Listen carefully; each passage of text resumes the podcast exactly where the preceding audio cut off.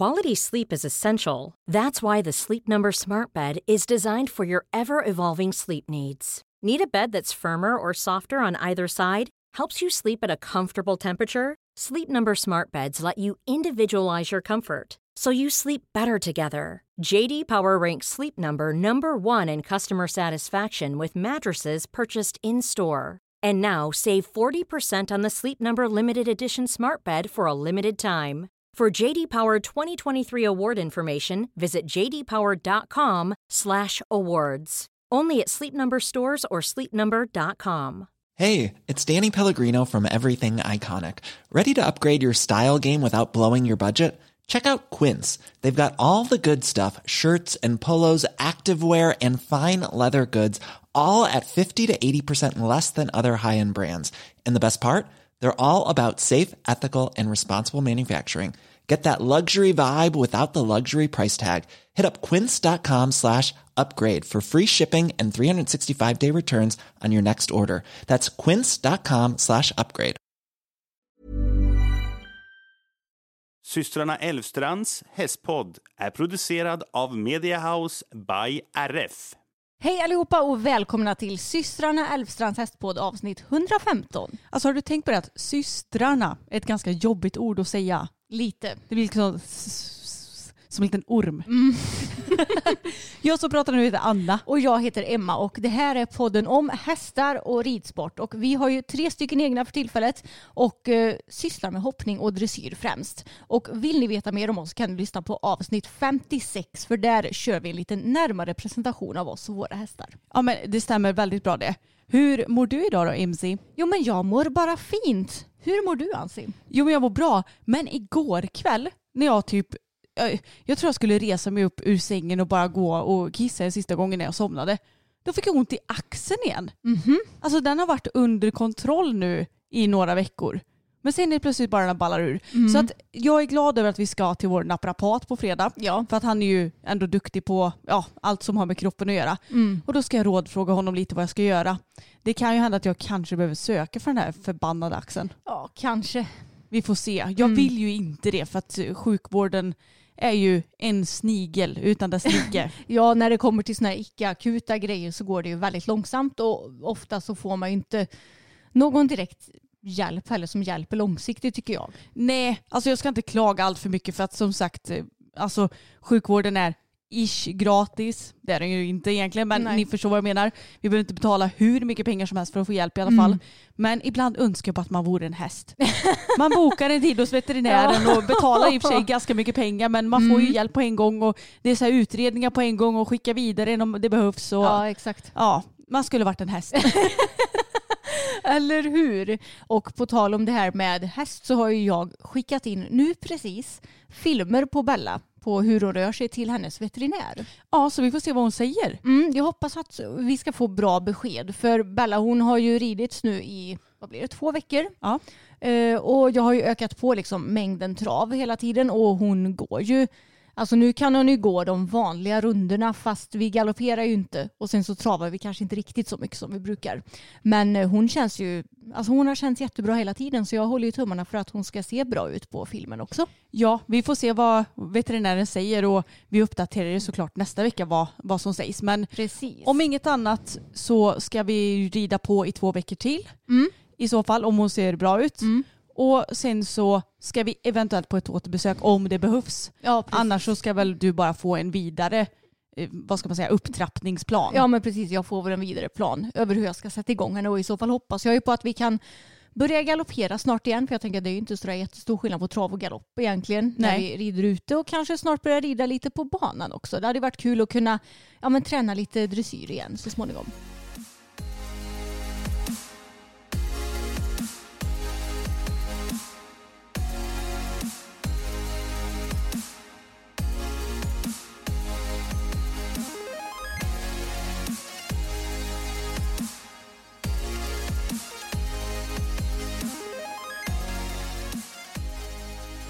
Men nog om lilla Bella. Hur går det med fokusarna? För jag kan tänka mig att folk som har sett lördagens video, där bröt ju du ihop kan man säga.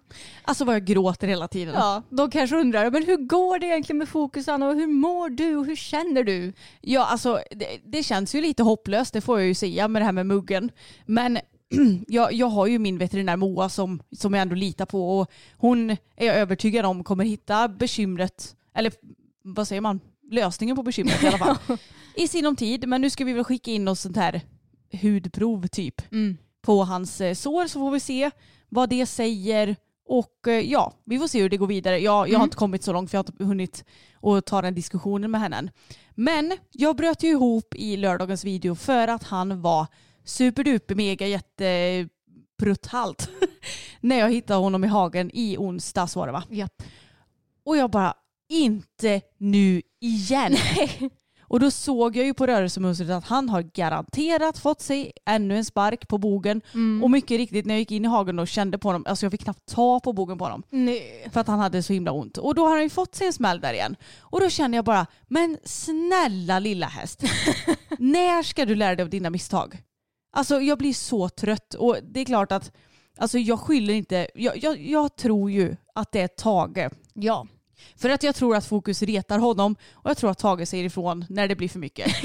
Vilket, vilket ju han ska, tycker jag. För att man ska ju inte behöva ta en massa skit. Han är ju bara en häst. Det är ju deras, alltså deras beteende det är att först säger de ju till lite grann och sen lite mer och lite mer och sen så smäller de ju inte den andra hästen har lyssnat. Ja, exakt. Och Fokus han är ju inte så bra på att lyssna på sådana signaler. Nej. Så att jag blir så trött på honom. Kan han inte bara hålla sig ur vägen och kan han sluta reta upp Tage? Mm, han är, den här sparken hamnar ju på nästan exakt samma ställe som förra gången också. Ja, lite högre upp den här gången. Ja, lite högre upp. Men eh, ja, det är ju tur att det inte har blivit något värre med honom och han har ju fått lite, ja, men lite Metacam nu så att han skulle bli av med smärta. Och nu så är han ju mycket bättre igen redan. Ja, jag ska rida honom idag tänkte jag. Och känns det inte bra så kommer jag såklart inte fortsätta att rida. Men jag tror inte det är några bekymmer för att han har sett jättefräsch ut i hagen. Mm. Så att jag tror att han är återställd från den där ja, bogsmällen. Nu har han haft två bogsmällar på två veckor blir det va? Ja, det blir det. Alltså ja. Ni hör ju, det här har varit ett alldeles utmärkt och fantastiskt år hittills. Ja, för dig så har det varit jättebra. För mig också då. Men jag har ju också en skadad häst.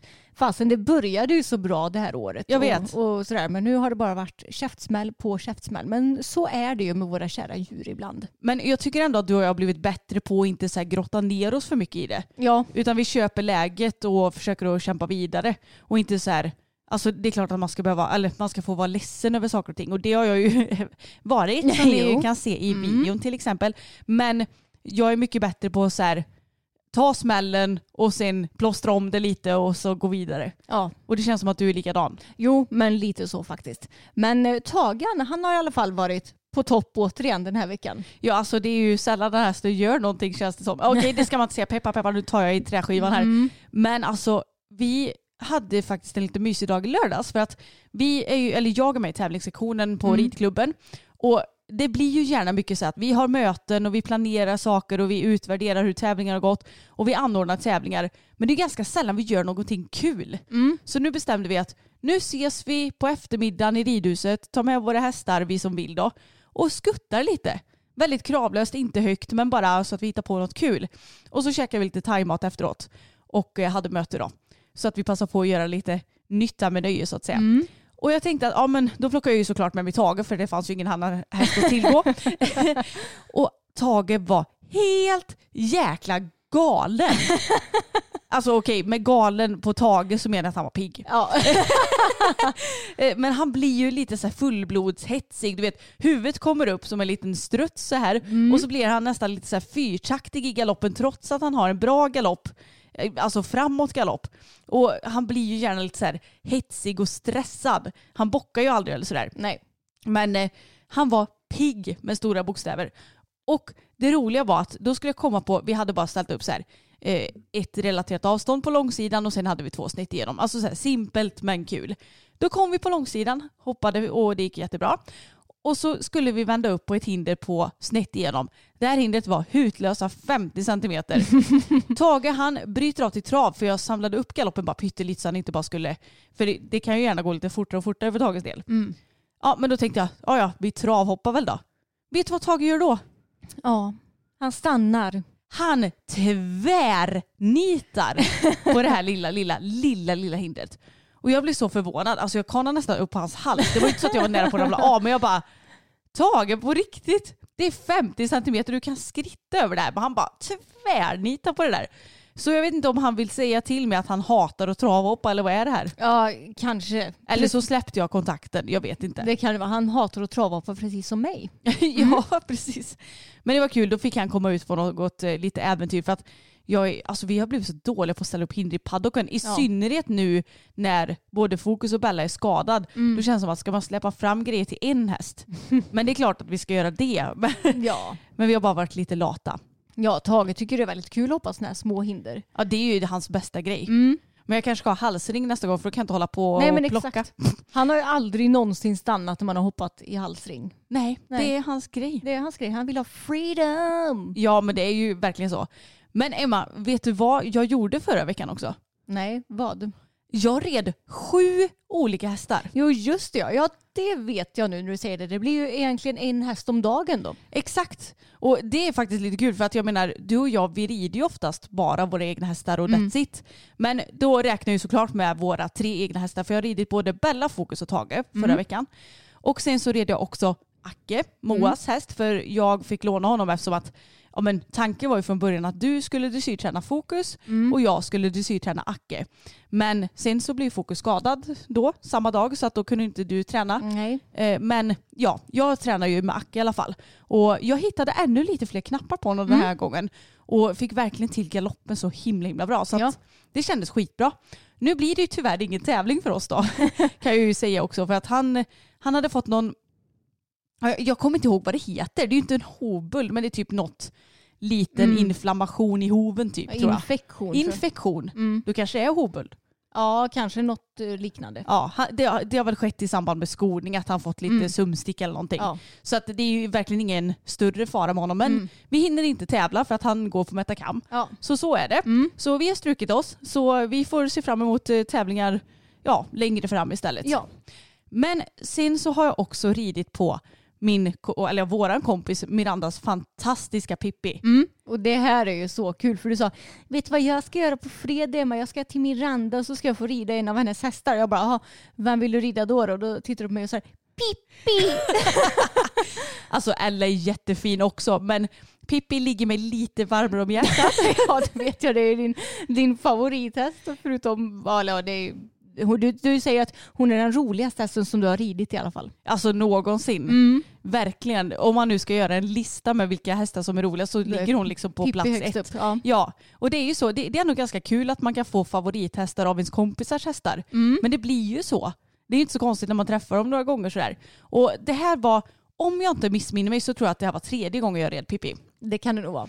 Och det har ju, alltså sist var det tre och ett halvt år sedan. Mm. För det var 2018. Just det. Och redan då så fick jag ju prova på så här piruett och få passage och sånt där. Och då skulle jag ju prova att byta galopp den gången. Mm. Och Miranda bara, det kan vara jättesvårt för att alltså inte ens eh, min stallkompis som har tävlat upp till, nu kommer jag inte ihåg hur högt det var men Sankt Georg eller någonting, Mm. kan göra byten på Pippi. Så att alltså inte ens de som faktiskt kan göra byten på andra hästar kan göra byten på Pippi. Nej. För att det är väl en viss teknik. Och nej, det gick ju inte så bra då 2018. Nej. Hon, hon bytte inte en enda gång då. Nej, nej. Hon bara, förvänd galopp, okej. Mm. Jag bara, nej men vi ska byta. Hon fattar ingenting. Nej, så jag fick faktiskt till två byten. Mm. Nu provar vi absolut inga byteserier eller så, men Nej. två enkla byten. Mm. Sen tror jag att det ena blev orent. Men hon fattade i alla fall vad jag ville. Ja, så det var lättare att byta galopp på Ella, vilket du gjorde i vintras. Ja, alltså hon är ju bytesqueen om någon. Mm. Miranda red, eh, eller samtidigt då, alltså hon är, vänta hon är född 14, då blir hon åtta, år va? Mm. Och alltså hon gör ju säkra byten i vart 15, nej vad säger man? Alltså 15 säkra varje. byten i varje ja. Mm. Så heter det. Hon är så häftig och Mm. Miranda är ju svinduktig också så att det är ju inte bara hästen såklart.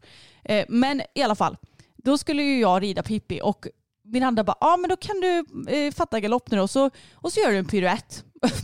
och jag bara, alltså Miranda du får guida mig lite. Jag vet ju egentligen vad man ska göra men du vet piruetter är liksom inte vardagsmat för mig. Nej. Men alltså det är så häftigt att känna på sådana här saker som jag normaltvis bara drömmer om Mm. att få känna på. Och piruett är en så himla lustig rörelse egentligen för att hästen ska ju samla sig väldigt, väldigt, väldigt mycket och sen så ska den ju, ja men man gör en extremt liten volt kan man säga Ja. i mycket samling och när man är i en piruett så känns det som att man Alltså kroppen vill gärna driva väldigt, väldigt mycket. Mm. För att hästen galopperar ju så extremt långsam galopp och gärna, alltså nästan stegrar lite grann kan man säga. ja men det blir ju som en bakdelsvändning i galopp. Exakt. Mm.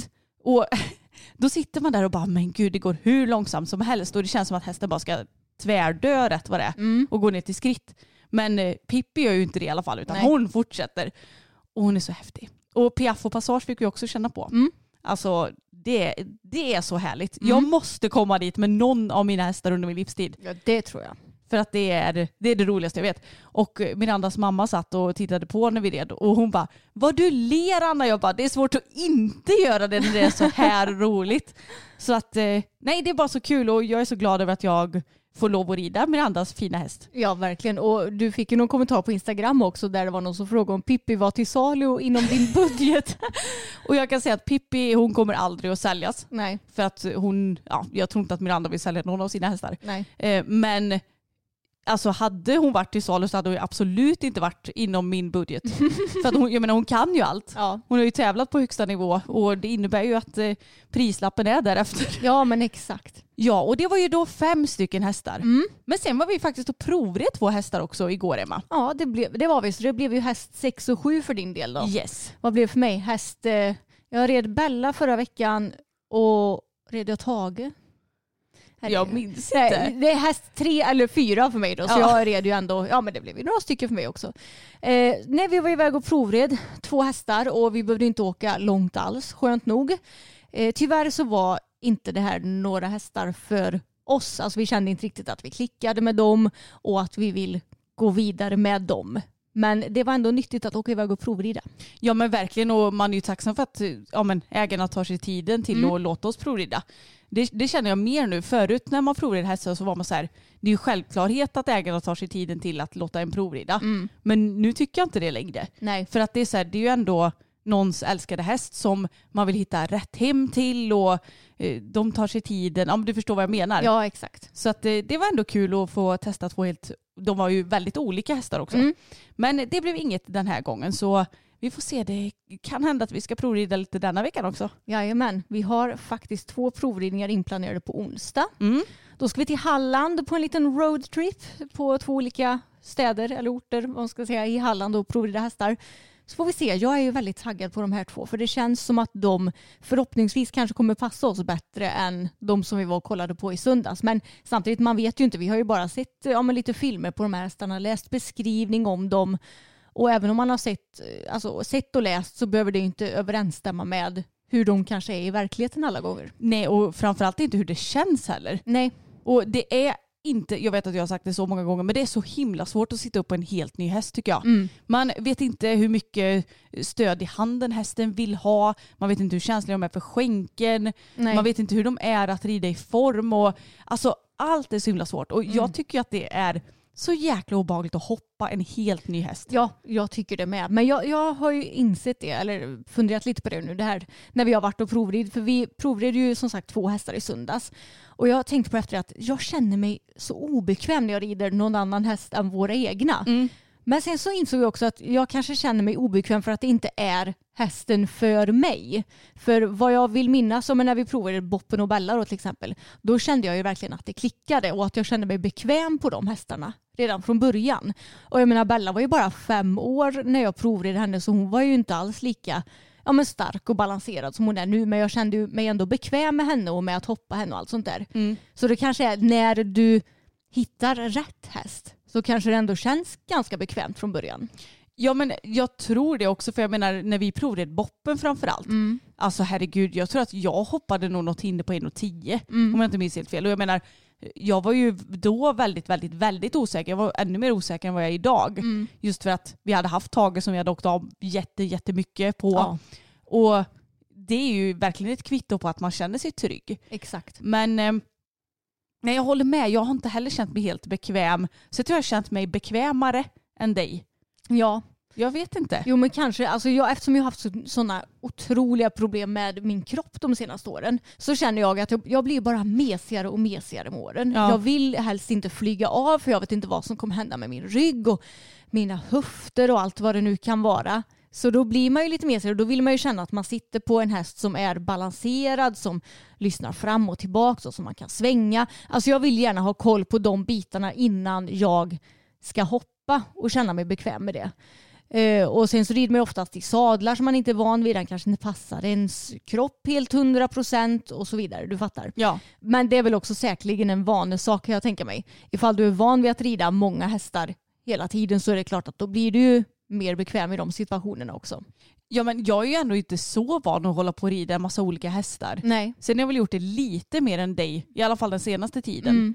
Men jag menar det är ju som när jag satt upp, okej när jag satt upp på Pippi första gången var Ja. jag inte bekväm för då satt jag i min andra sadel. Mm. Och den passade inte mig överhuvudtaget. Nej. Men nu när jag har haft min egen sadel så har jag känt mig 100% be- bekväm. Mm. Eh, och alltså får jag en häst som är en smula så balanserad som Pippi är, Mm. då blir jag väldigt glad. Ja. För det sa Miranda också att hon har liksom varit balanserad från dag ett. Ja. Det är något som hon har blivit född med. Mm. Det är inte något jag har tränat upp utan hon Nej. är så här balanserad. Mm. Så ja men ju, det är väldigt svårt att sitta upp på nya hästar. Just av den anledningen. Att det känns så himla, det känns oftast lite konstigt. Ja, lite, och obalanserat. Ja, lite det känns som att man svaj, det svaj, Exakt, det är precis den känslan. man som känns jag- ju som en flaggstång i storm. Ja men jag känner mig så svajig och jag tycker inte att jag gör det på våra hästar. Och jag känner bara att våra hästar är ändå tre stycken helt olika hästar. Men tror du inte, vi känner ju ändå våra hästars steg så mycket. Mm. Vi vet oftast hur de gör, vi vet hur de känns när man sätter igång från trav till galopp. Ja. Vi har våra knappar med dem. Mm. Det är klart att det är invant. Ja precis, för jag tänker att det kan inte bero på att ja, men Bella till exempel, hon är lite bredare. Då kanske man tänker att ja, men en bredare häst sitter bara lite stadigt liksom, för att man inte kan svaja så mycket. Men jag känner mig fortfarande bekväm på fokus också. Han är ju mycket smalare Mm. än vad hon är. Så det kan ju inte ha så himla mycket med det att göra tänker jag. Nej, men minns du något hur du kände första gången du satt på fokus då? Mm, nej, det, min, det var ju jättelänge sedan. Jo, jag Så vet. det minns jag inte tyvärr. Nej. Du har ingen sån där att du kommer ihåg att du bara oj vad obalanserad jag känner Nej men jag tror inte jag känner mig så obalanserad. Nej. Nej men det är intressant det här tycker jag. Mm, och jag tycker också det är Alltså det som är bra med att rida andras hästar, ja, förutom dig och Pippi då kanske, det är att man uppskattar ju sina egna hästar väldigt mycket. Gud ja, det gör Mm. man ju. För att ofta sitter, jag tror vi pratade om det här för några avsnitt sedan också, Mm. att eh, när man sitter upp på andra hästar som kanske har lite andra problem än vad ens egna hästar Mm. har, då uppskattar man kanske de små problem som man faktiskt har med sina egna hästar. Mm. Och man blir, alltså jag, jag kan ju klaga väldigt mycket på att åh men det här, fokus är inte riktigt framme och jag skulle vilja att han var lite mer så här och så här. Mm. Men sen när man väl sitter på något annat som kanske är ännu mindre framme på skinken eller Ja. är mycket mer spooky eller Mm. vad det nu än må vara, då, då uppskattar jag ju fokus så mycket mer. Ja precis och jag känner att jag uppskattar ju Bella också för som du säger när, man, när jag rider den hemma då här, ah, hon biter sig fast lite där och hon kanske inte var helt framme där och där drog hon iväg lite. Men om jag ska se på henne så är hon ju, alltså hon är ju väldigt stadig, hon är väldigt balanserad. Alltså det finns inte så himla mycket jag kan klaga på egentligen när det kommer till henne. Nej. Och i grund och botten så tycker jag att hon är ju den absolut roligaste hästen som jag har ridit nu det senaste. Förutom Boppen då. Ja. Men eh, jag tycker att hon är ju skitrolig. Och eh, ja, men hon har också varit lite som Pippi skulle jag säga. Balanserad från början. Ja, det har hon ju verkligen varit. Ja, du, du håller kanske inte riktigt med för du tyckte att hon var lite jobbig att sitta på i början. Nej men alltså jag tyckte nog inte att hon var jobbig för att jag tyckte att hon var obalanserad. Nej. Utan jag tyckte mest att så här, ja, men hon glider lite inåt och Mm. eh, ja, men det var nog mer sådana bekymmer. Mhm, För mm. jag tyckte ändå att hon kändes stabil att sitta på. Ja men exakt, hon har alltid haft den där grundbalansen. Mm. Och det är nog lite det som jag kanske letar i någon häst nu om vi ska hitta någon ny. Och då kvittar det ju om den är liksom fyra år eller åtta år. Alltså den där balansen vill man ändå ha så att man känner sig stabil och trygg på hästen. Liksom. Ja men precis, vi vill, ha- vill ha en, en cool häst som har god balans. Mm. Och resten tänker jag att det kommer väl kanske. Ja, det får bli vad det blir. Och vi har ju också velat väldigt mycket. Ska vi köpa en dressyrstammad häst, en hoppstammad häst? Alltså det har gått upp och ner. Den första hästen vi kollade på, det var ju nästan någon månad sedan nu. Den var ju dressyrstammad. Mm. Sen kollade vi på två hoppstammade hästar nu i helgen och nu till veckan så blir det en hoppstammad eh, häst och en dressyrstammad häst. Men det som jag har haft lite problem med när det kommer till, för alltså för mig spelar det egentligen ingen roll vilken stam hästen har. Men när man kollar på hästar som är dressyrinriktade och dressyrstammade då är det så här, de har aldrig hoppat över ett hinder typ. Alltså de är bara, typ om man ska köpa en häst inom vår budget så är de kanske inridna. Mm. Men har liksom inte gjort någonting mer. Medan du får ju lite mer för priset eh, för en hopphäst om du fattar.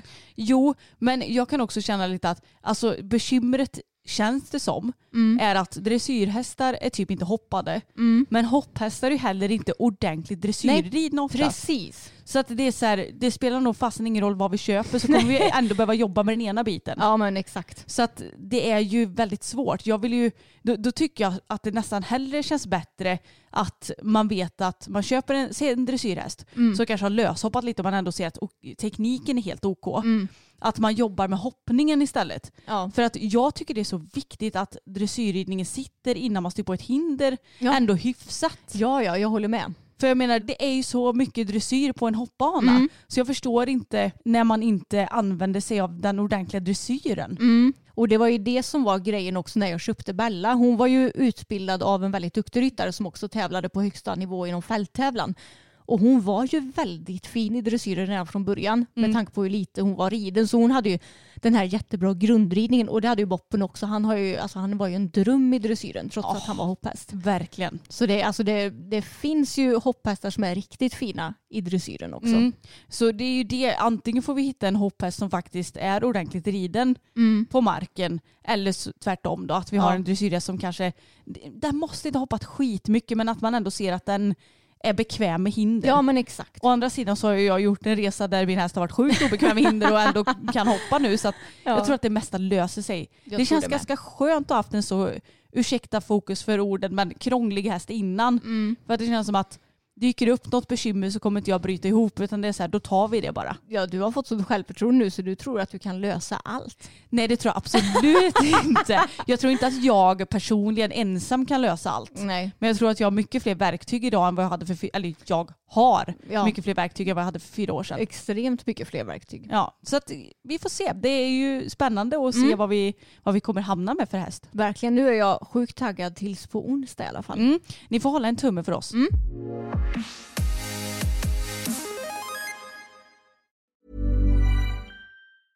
When you're ready to pop the question, the last thing you want to do is second guess the ring. At Bluenile.com, you can design a one of a kind ring with the ease and convenience of shopping online. Choose your diamond and setting. When you find the one, you'll get it delivered right to your door. Go to Bluenile.com and use promo code LISTEN to get $50 off your purchase of $500 or more. That's code LISTEN at Bluenile.com for $50 off your purchase. Bluenile.com code LISTEN. Flexibility is great. That's why there's yoga. Flexibility for your insurance coverage is great too. That's why there's United Healthcare Insurance Plans. Underwritten by Golden Rule Insurance Company, United Healthcare Insurance Plans offer flexible, budget friendly coverage for medical, vision, dental, and more. One of these plans may be right for you if you're, say, between jobs, coming off your parents' plan, turning a side hustle into a full hustle, or even missed open enrollment. Want more flexibility? Find out more about United Healthcare Insurance Plans at uh1.com. Men på tal om det här med ja, men att vi letar häst och sådär så är vi inne och kikar en hel del på Hästnet bland annat. Och någonting som jag har tänkt på när jag läser annonser, det kvittar om det är en hopphäst eller en dressyrhäst, det är att när hästen är typ 1,70 hög då läser man ofta eh, typ lättriden för sin storlek eller känns inte stor. Fattar du? Ja, Mm. Och att eh, som om liksom, en häst på 170 centimeter skulle vara en stor häst. Ja, men jag vet inte, nu är ju du och jag ganska färgade av att vi har haft Boppen Mm. som var, han mätte väl typ 182 cm i mankhöjd. Mm. Hade förvisso en ganska så stor manke så man Jo. satt ju inte så himla högt upp. Nej. Och var ju extremt lättriden. Mm. Blev såklart lite tyngre med åren. Mm. Men har ändå alltid varit väldigt lätt. Och Jättesmidig. ja, alltså det hade ju inte varit några bekymmer nu, nu rev ju vi ganska mycket på tävling så Mm. det kanske är därför vi inte har plockat så många placeringar. Men hade det inte varit för det så är jag ju väldigt lätt svängd och Mm. sånt där.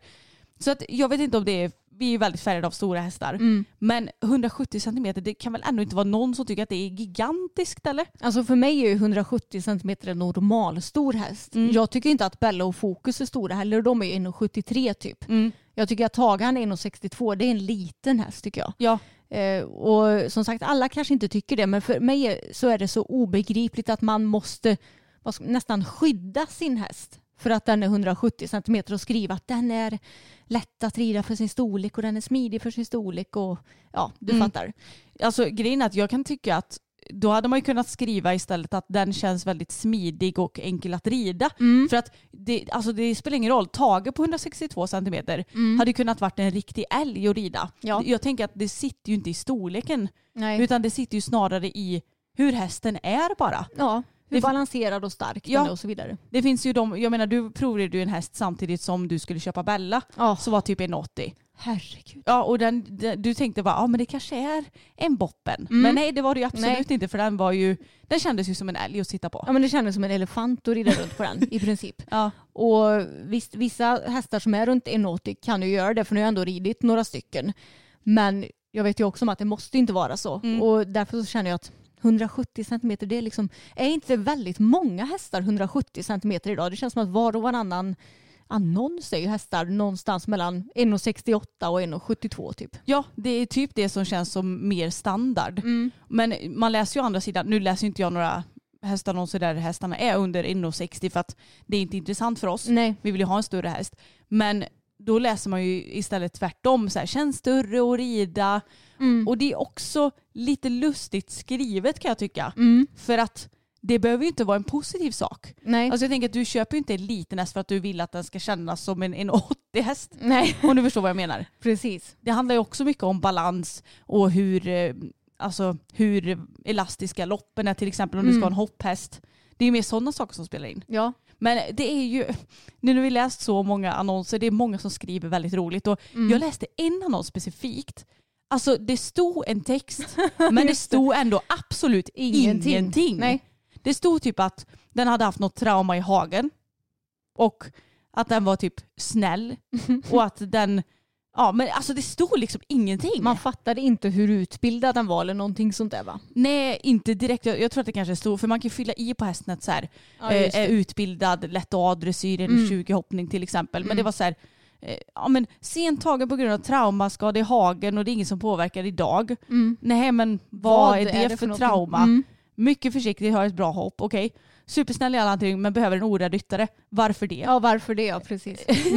det? Det står lite text men det står ändå typ ingenting. Nej Sen exakt. fattar jag att så här, är man intresserad så får man väl höra av sig. Mm. Men ja, jag vet inte, det- är så svårt med hästannonser för å andra sidan så hatar jag när det är världens novell. Jo. Nu ska vi sälja vår fantastiska lilla pärla, la la la la, la. Mm. Alltså det står liksom så mycket så att man bara åh, Mm. orkar typ inte läsa.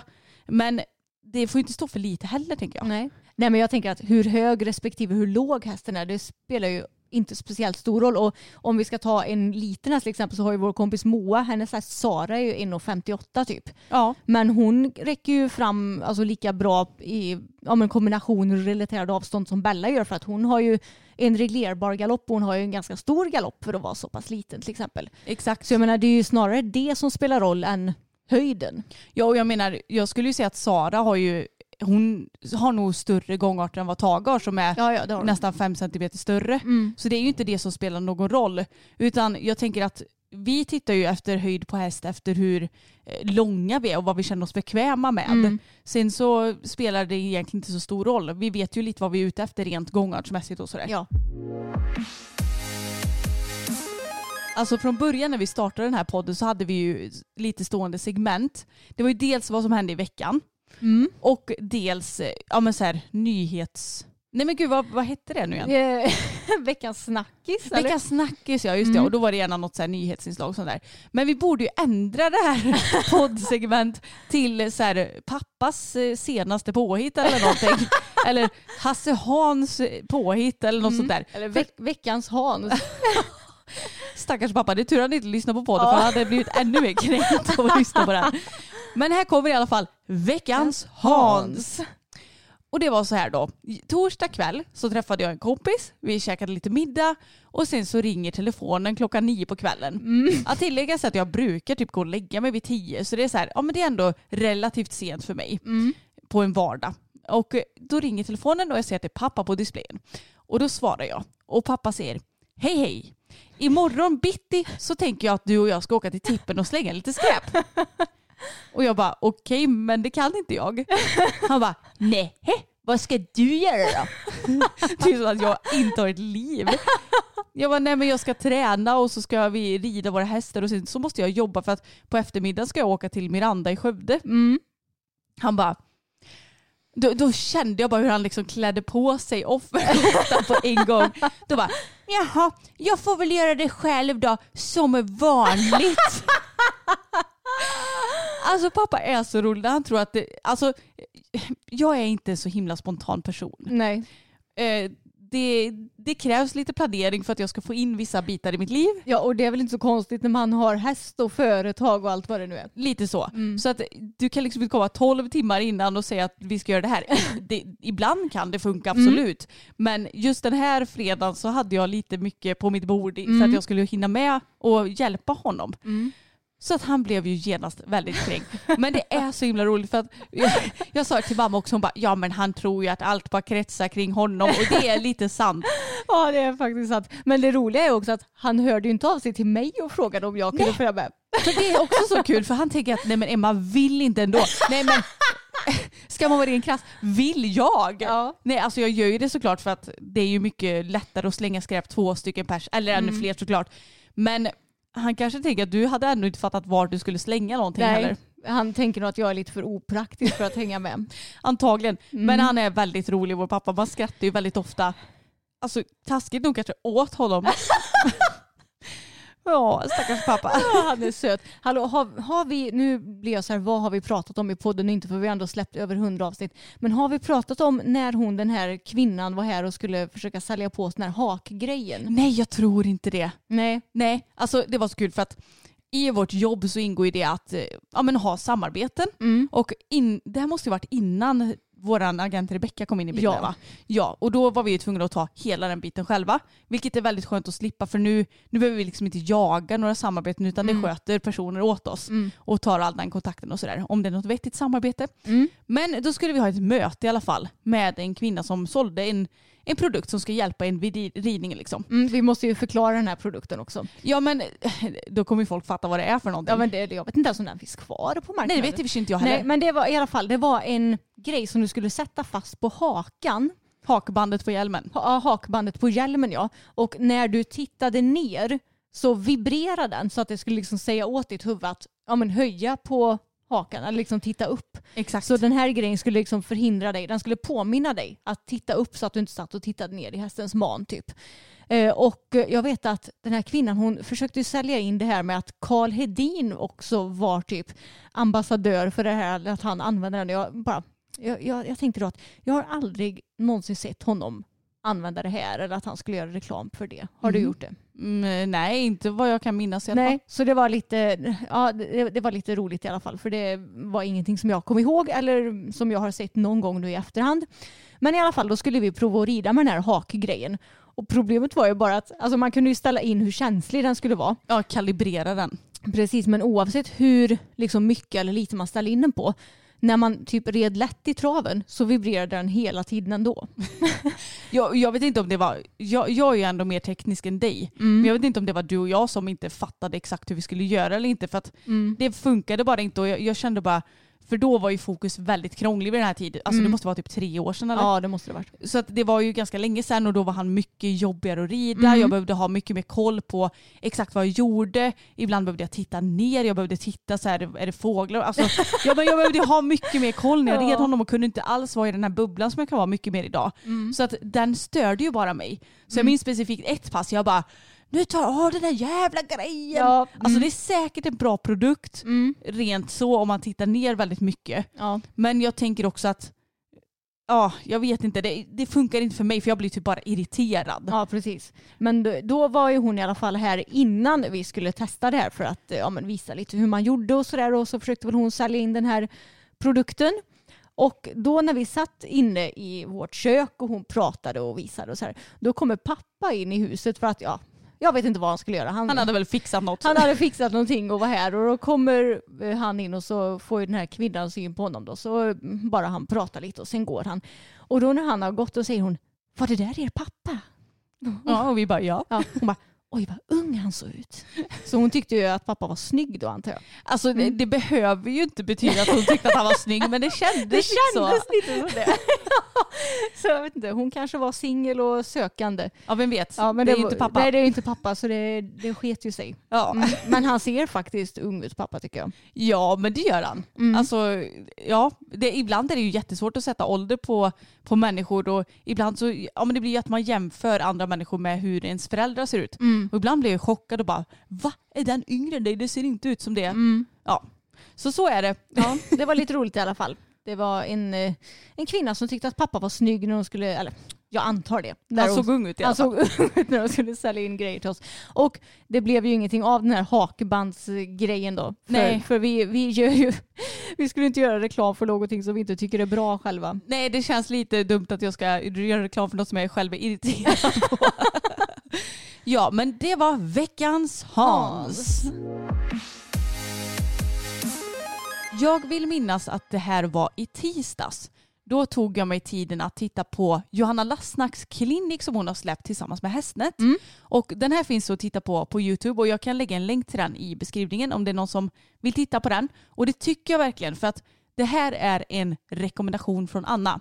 Har du hunnit se den Emma? Nej jag har inte hunnit göra den. Nej, och eh, Johanna Lassnack är ju för de som inte vet, jag tror att många, alltså de flesta av er som följer oss, Oss. borde ju veta vem hon är. Det tror jag. Men för de som inte vet, Johanna hon är en hoppryttare som också jobbar som mental coach och eh, ja, det, hon jobbar ju lite med sociala medier också. Mm. Så hon är lite stor på sociala medier och framförallt Instagram. Men eh, Johanna har alltså släppt en klinik och jag tyckte att det var så himla intressant för att jag har också läst Johannas bok En mental sporre. Mm. Heter den va? Mm. Ja. Och den tyckte jag var bra men vissa grejer tyckte jag var lite svår att, svår att föreställa sig. Mm. Och de var svåra att eh, kännas vettiga för mig Ja. när jag bara läste den. Och eh, Johanna gick igenom väldigt mycket mentala grejer och hon sa att vill man fördjupa sig mer så kan man läsa min bok men hon gick igenom en hel del grejer om framridning och framhoppning och hur man ska tänka och hur de går banan och lite sådär. Så att jag kan verkligen varmt rekommendera den här för att jag tror att många kan bli mindre nervösa av att ja, men, hitta ett system så som Johanna verkligen har byggt upp. Mm. Och sen så kom hon ju då till det här med att hoppa fram. Mm.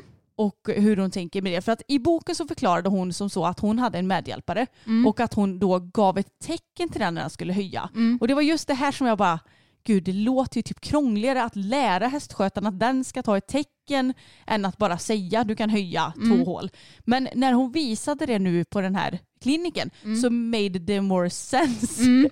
Gud vad det blev svängelskt här. It made more sense. Ja men exakt. Och då så gjorde Johanna som så att ja, men först så bad hon sin med- medhjälpare att lägga ner räcket då. Och då hade hon det på typ 50-60 centimeter så här, väldigt lågt. Hon tävlar väl upp till 1,20 så ja men Mm. lite sådär så ni har lite koll på hur, hur lågt det är jämfört med vad hon faktiskt tävlar. Mm.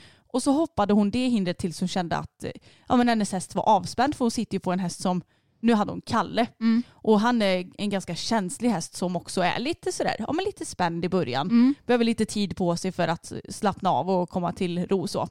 Så när hon hade hoppat det hindret kanske så här fyra gånger, då nickade hon till sin medhjälpare så här. När hon skrittade då eller?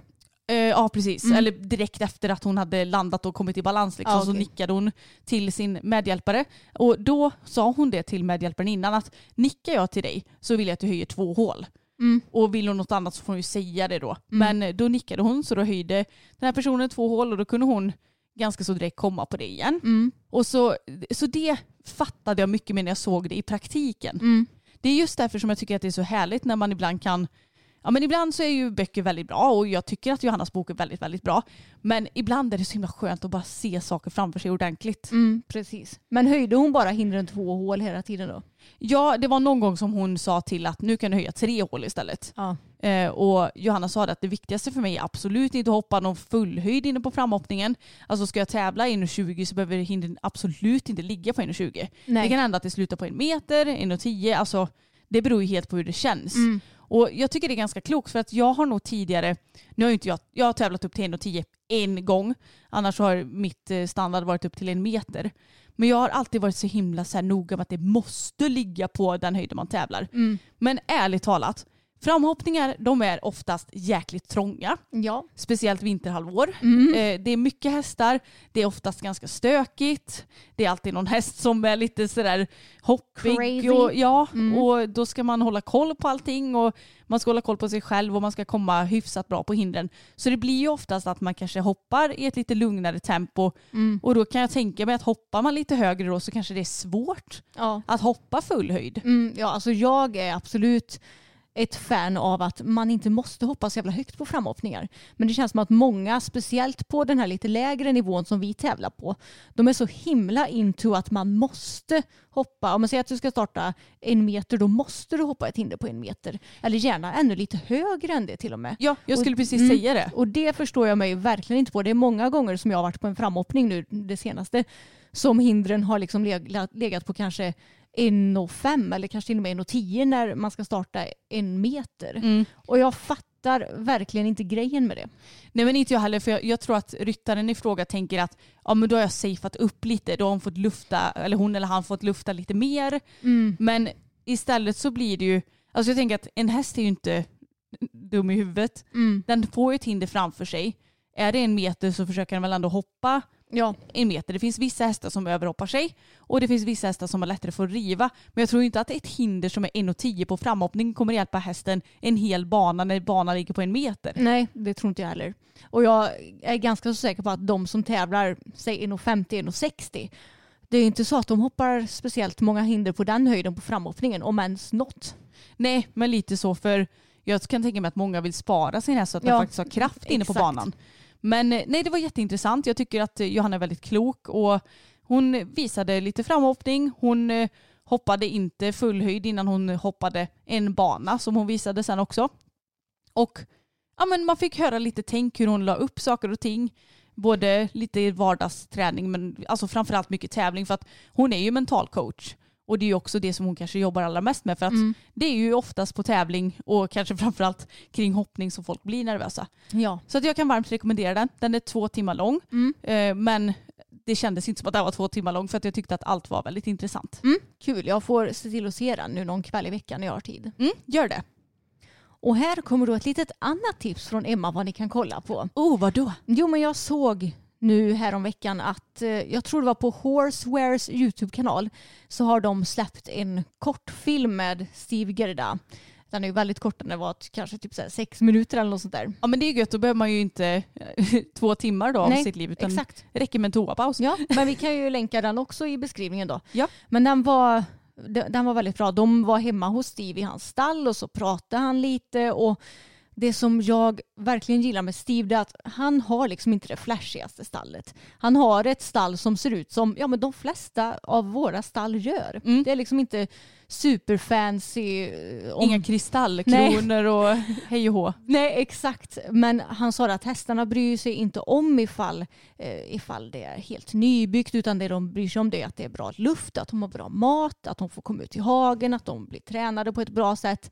Ja, du fattar. Och det som jag tycker är så häftigt med Steve också det är att det känns som att han har så himla mycket alltså kärlek och känslor för sina hästar. Han pratade om Chaliska till exempel Mm. Eh, och eh, han började ju gråta lite grann då när han pratade om henne. Kan inte du berätta vem det är då? Ja, men det var hans bästa häst. Eh, och vad jag har förstått det som så har ju hon gått bort. Eh, vi- minns inte när det var. Men planen var ju att hon skulle få bli pensionär men så var hon nog med om någon olycka i hagen. Vad jag Mm. vill minnas. Och han pratar ju om hur mycket han älskar hästarna och att det är så mycket känslor till det. Och det känns nästan som om han kanske är lite unik med det på den högsta nivån. Alltså vill jag tänka mig. För jag minns att jag har sett någon intervju med Peder i SVT och Peder är ju helt otrolig hästmänniska. Men då vet jag att hon frågade honom ifall han älskar sina hästar och sa han älskar är väl fel ord, men jag respekterar dem väldigt mycket. Mm. Så jag tror att han kanske inte har de här vad ska man säga, kärlekskänslorna för sina djur så som Steve har då. För, han, för hans del så tror jag det är mycket mer känslor inblandat. Ja, alltså jag tänker så här, du gråter ju inte av en, utan anledning. Nej. Jag tror knappast att han bara, ja, men jag jobbar lite extra som skådespelare och klämmer fram ett tår här nu. Nej. Utan det är ju säkert genuina känslor han känner. Ja, så det känns som att jag kan identifiera mig så mycket med Steve med hur han känner för sina hästar. Mm. Och ja, men jag tycker bara att han verkar vara en så himla fin hästmänniska som vill sina hästar det bästa och att han verkligen förtjänar att ha varit i toppen så länge som han har varit. Han var ju världsetta skitlänge. Nu har han fått barn till exempel så då kanske han prioriterar det lite mer och sådär. Ja. Men eh, nej, alltså han är ju helt fantastisk. Fantastisk. Fantastisk. Fantastisk. För mig är ju han the GOAT. The goat. Har En du, get. har du inte hört talas om det här uttrycket? Du tänker att han är en get i en fårflock typ eller? Nej. Nej. GOAT, greatest of all time. Jaha! Jag tänkte att, jag trodde att det var då så här att han stack ut.